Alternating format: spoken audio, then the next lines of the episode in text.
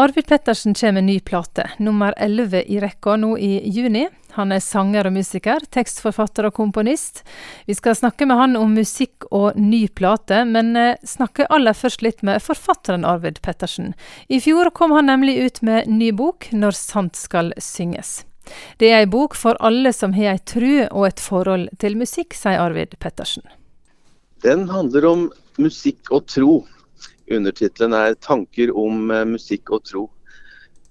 Så jeg har gått med veldig mange eh, tanker om, øh, om musikk og tro i mange mange år og skrevet en god del. Og så har det blitt til en bok. Og det er masse bibelinspirasjon og tar opp en del veldig relevante temaer som har med musikk å gjøre. Så det har blitt en bok for alle som har en tro, og som har et forhold til musikk. Mm.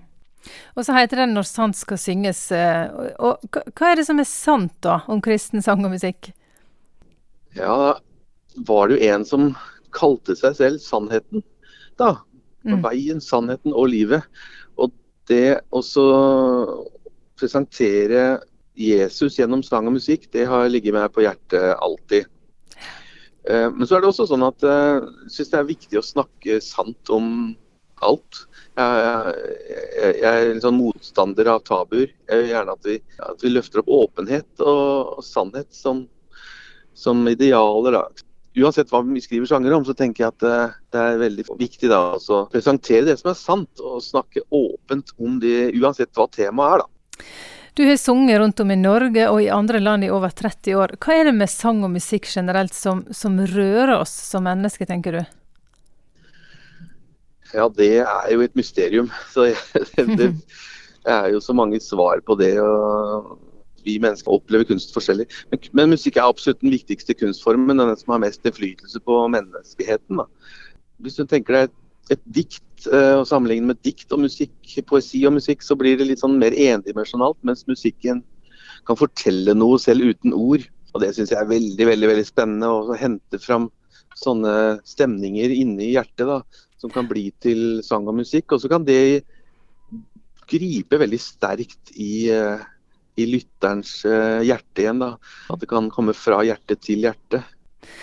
Og i 30 eh, år, som sagt, har du altså da besøkt 30 land, har jeg lest, og sunget for både presidenter og i fengsel, mellom annet. Har du en historie om hvordan musikken og sangen har, har virka i en spesiell situasjon, kanskje?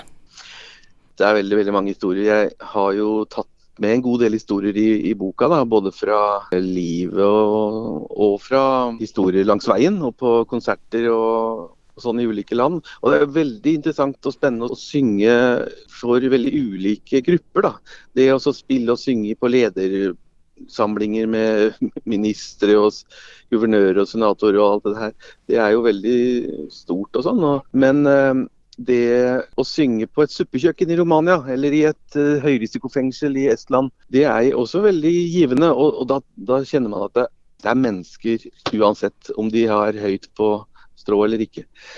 Men jeg kan jo nevne Linn, da, som begynte å høre på musikken min uh, da hun hørte den på radioen eller på internett for mange år siden. Hun var bare 16 år. Og opplevde at hun fikk ny tro på seg selv og fikk ny opplevelse at hun var var verdifull, og det, var, det trengte hun. da. Hun var eh, autonom av barnevernet og hadde det veldig vondt. Og hun rett og slett fikk et nytt liv, altså. Eh, altså det det syns jeg var veldig, veldig sterkt. Du har jo skrevet veldig mange sanger, og altså har kommet ut med ti plater før denne nye plata her. Eh, du sa litt før vi setter på play her eh, om at du våkna med en sang i dag, så du måtte på en måte få spilt inn og skrevet ned. Fortell litt om prosessen din fra tanke til ferdig sang på plate. Ja, det kan være veldig forskjellig.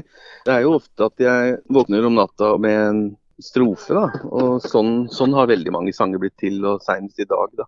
Enten det er at man sover om natten, eller går en tur kanskje, eller er sammen noen. Kanskje er eh, sammen noen i lovsang og bønn, eller kommer det gjerne en sånn setning med en melodi til. og Så, så kan det ta alt fra ti minutter til uh, ti måneder å gjøre ferdig det til en sang. Og jeg syns det er veldig veldig spennende. Jeg blir så veldig oppslukt når jeg får en en idé jeg tror på. Hvor, hvor tenker du den ideen kommer fra? Er, er, det erfaring, eller er det Gud gitt, eller hva tenker du om det? Nei, jeg vet ikke. Men jeg eh, tror jo at eh, Gud er alle steds nærværende, og at han eh, også har tatt bolig inni oss. Og vi har tatt imot Jesus som frelser. Det merker jeg jo veldig sterkt av og til. Og da tror jeg at det, at det er noe himmelsk og evig med det. Absolutt. Og så er det jo sånn med oss mennesker at vi har det er blanding mellom ånd og sjel, og hva vi tenker sjøl, og hva vi føler og, mm. og tror, og, og, hva som er uh, sant er jo, og, og, hva som er hellig. Det er ikke alltid det samme, det heller. Mm. Men vi, jeg tror ikke Gud forventer noe annet av oss enn at vi er, uh, at vi er uh, mennesker. Og, mm. og bare ønsker å følge Han fra dag til dag. Vi må litt innom den spesielle tida vi lever i nå, Arvid også. Du som lever av musikk, uh, har det blitt ekstra god tid til å skrive sanger nettopp nå i denne tida, når konserter har vært vanskelig? Ja, absolutt. Og si sånn, Når man våkner fire om natten og får en ny sang, så er det bra at man ikke har en vanlig jobb og skal på kontor klokka åtte. Da, da er det liksom, Man må bare ta tak i det når det kommer. da. Nei, Siste året, siste 15 månedene har vært veldig spesielle. Før pandemien i 2019 så hadde jeg 130 konserter det året. Og det har vært rundt, rundt 110-120-130 hvert eneste år. Mens nå var det plutselig nesten ingenting. Og da ble det veldig mye tid til å lage ny musikk og være i studio og lage videoer og lage online-gudstjenester. Og, og, mye av det her finnes jo på Facebooken, eh, hvor jeg legger ut der. og linker. så har vi jo hatt en drive-in-gudstjeneste. Det var nok sånn nordisk rekord. Da kom det 800 mennesker som ville være på drive-in-gudstjeneste. Satt i bil og fylte opp en diger parkeringsplass. Fikk med seg eh, sang og musikk og tale. Og det var veldig spennende. Så det er mye, mye, mye nytt jeg har fått være med på nå, faktisk. Ja. Men så, eh, så, gleder vi oss jo veldig til at eh, mennesker kan være sammen i samme rom igjen. Du, Sist vi hadde intervju med deg her på Petro, så hadde du nettopp kommet med plata 'Give Thanks', der musikere fra den legendariske gruppa Koinonia var med og spilte. Der hadde du vært i USA og gjort innspilling.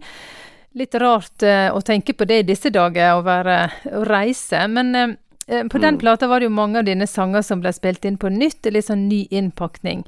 Nå kommer du mm. med ny plate, nye sanger på norsk, og mer allmennmenneskelige tema enn du har hatt før, kanskje. Natur og sol mm. og lys, mer enn et klart kristen budskap. Er det et skifte, mm. eller? Eh, nei, eh, det er absolutt ikke. Jeg eh, har skrevet sanger om eh, min, min opplevelse av vår og natur. og og skrevet en del sånne temaer som ikke er sånn typiske som vi synger om i kirken. og sånn. Og så har jeg liksom aldri gitt ut.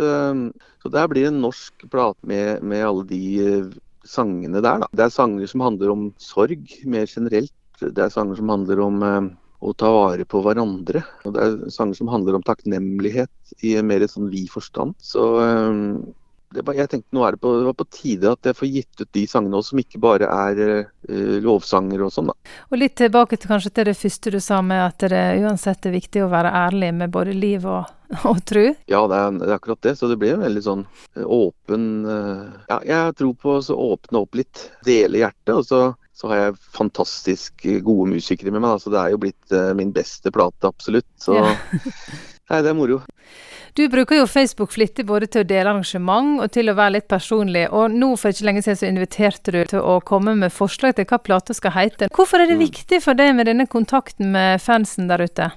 Nei, jeg, akkurat når det gjaldt det der, når jeg var veldig usikker på hva jeg skulle kalle plata, for jeg hadde et par-tre alternativer, da, så, eh, så syns jeg det var interessant å høre hva er det Hvis jeg bare spør hvem som helst og prøver å se er det noen som har en mening om det, Mm. Og, da, og da, da, ble det sånn. Så det, det, var ikke det at jeg lot andre bestemme, men jeg lot eh, ja, jeg lot det bety veldig mye hva jeg kalte, kalte plata til slutt. da. Mm.